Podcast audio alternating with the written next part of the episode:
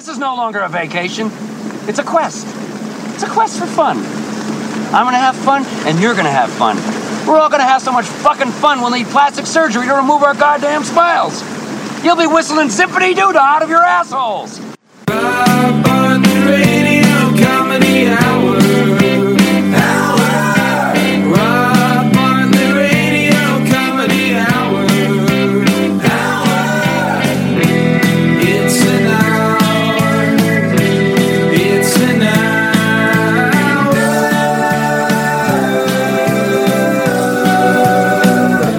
Welcome to the Rob Bartlett Radio Comedy Hour. I am Rob Bartlett, and this is my Radio Comedy Hour.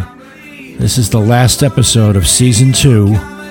After this episode, we're going to take a little bit of a hiatus, and then we're going to be back with a brand spanking new episode the first week of September. Yeah, we're going to be taking a little bit of vacation. I Have so much fucking fun. I'll be singing zippity doo dah out of my asshole. Thank you, Chevy Chase.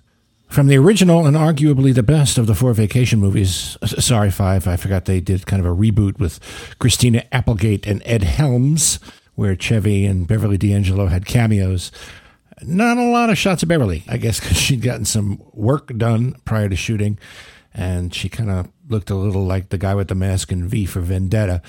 But that definitely has one of the great movie quotes of all time from Miriam Flynn, uh, an actress who was in all the vacation movies, I believe, playing cousin Catherine, along with uh, her husband, cousin Eddie, played by uh, Randy Quaid, back when he used to get paid for acting crazy. Anyway, they live this hellish existence with like 12 awful kids, one of whom would grow up to be Jane Krakowski, by the way, uh, and a baby. And cousin Catherine's pregnant on top of it all. and so when Beverly D'Angelo kind of assesses this hellish nightmare of an existence, she says, Things must be kind of hard. And Miriam Flynn goes, Well, Eddie says once the baby's born, I can quit one of my night jobs. Just genius. Anyway, we're going to take some time off to recharge, renew, retool, restructure, and reassess. And then we'll be back with a vengeance again, first week of September. But I figured I should answer a couple of quick emails before we go. Uh, we invite you, as always, to drop us a line at Robio Radio Comedy Hour at gmail.com with all your questions and comments. Let us know what you like, what you'd like to see more of, etc., etc. This one comes from Jeannie in Charlotte, South Carolina. Dear Robio, you never finished the summer song series.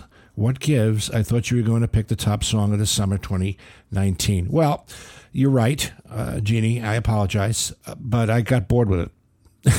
just I, I just got bored with it. It just wasn't really doing it for me. So I figured I'd cut my losses, part five, and just figure out who really gives a shit, other than what I think should be the song of the summer for 2019. There's a couple to choose from: Justin Bieber and Ed Sheeran uh, with "I Don't Care," which wins for the most accurately titled song because I didn't. Earthquake by the Creator. No explanation necessary. Sucker from the Jonas Brothers, because my How to Succeed buddy Nick and his brothers got back together with a vengeance. But I think it was, it has to be Taylor Swift's biggest earworm ever duet she did with Brendon Urie from Panic at the Disco, a song called You'll never find Me. another like me.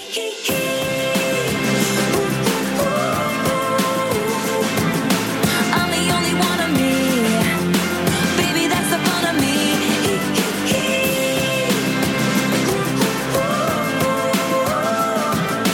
You're the only one of you. Baby, that's the fun of you.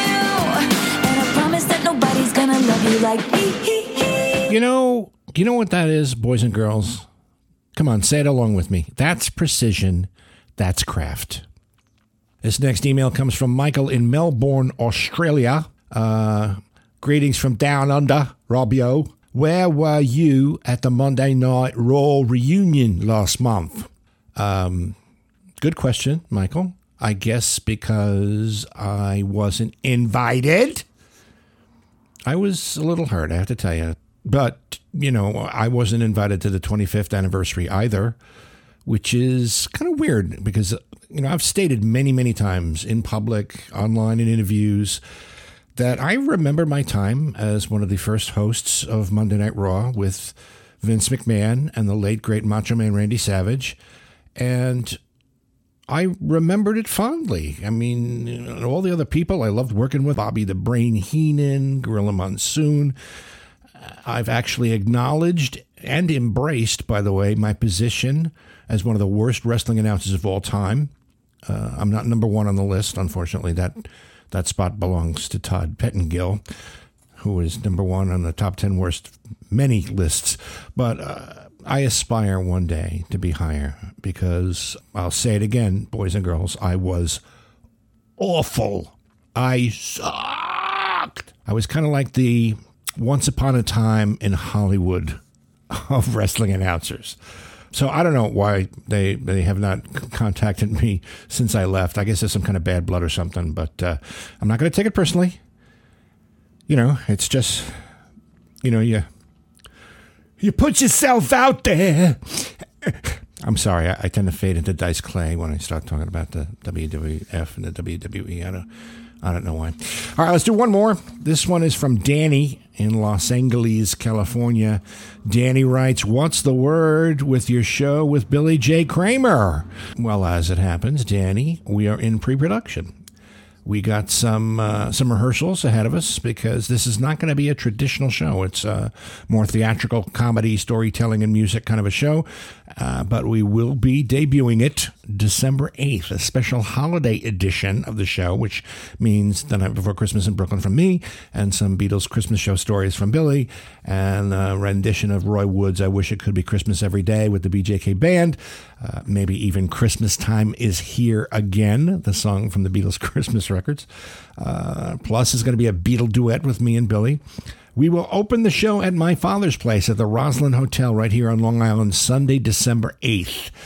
Tickets will be on sale soon. You can find out when and other details about the show on the Rob Bartlett Radio Comedy Hour Facebook page um, or on Twitter at the Robio, on Instagram, Robio Radio Comedy and Robio 007. Uh, spread the word. Please spread the word. Tell your friends and family about us and get them to subscribe. And you too, just click the button wherever you got this podcast. It's there somewhere. And that way you'll be among the very first to get episodes from our upcoming season three. And in the meantime, during the hiatus, go back and check out some of our past episodes. There's some really great ones. Uh, some funny shit, some great guests, some great sketches. There's over 75 episodes in the archives, all of which will be at your fingertips if you subscribe. So we invite you to do so. Our program produced by Gary Grant and me, Rob Bartlett, starring me, Rob Bartlett, written by the great Andrew Smith and me, Rob Bartlett. The Rob Bartlett Radio Comedy Hour theme song, music and lyrics by Gary Grant, recorded and performed by Steve Mecca. Rob Bartlett's wardrobe provided by Botany 500. All stunts performed by me, Rob Bartlett. As always, no animals were harmed in the production of this podcast. We will see you all again, boys and girls, next month for the start of season three of the Rob Bartlett Radio Comedy Hour. But until then, be good to each other, won't you? No, I got uh, laid off when they closed that asbestos factory. now, wouldn't you know it, the Army cuts my disability pension because they said that the plate in my head wasn't big enough. Nobody's gonna love you like me. But you know on me. I'm the only one of me. Baby, that's the fun of me. Strike the band to one, two, three. You can't without me. You're the only one of you. Baby, that's the fun of you. And I promise that nobody's gonna love you like me.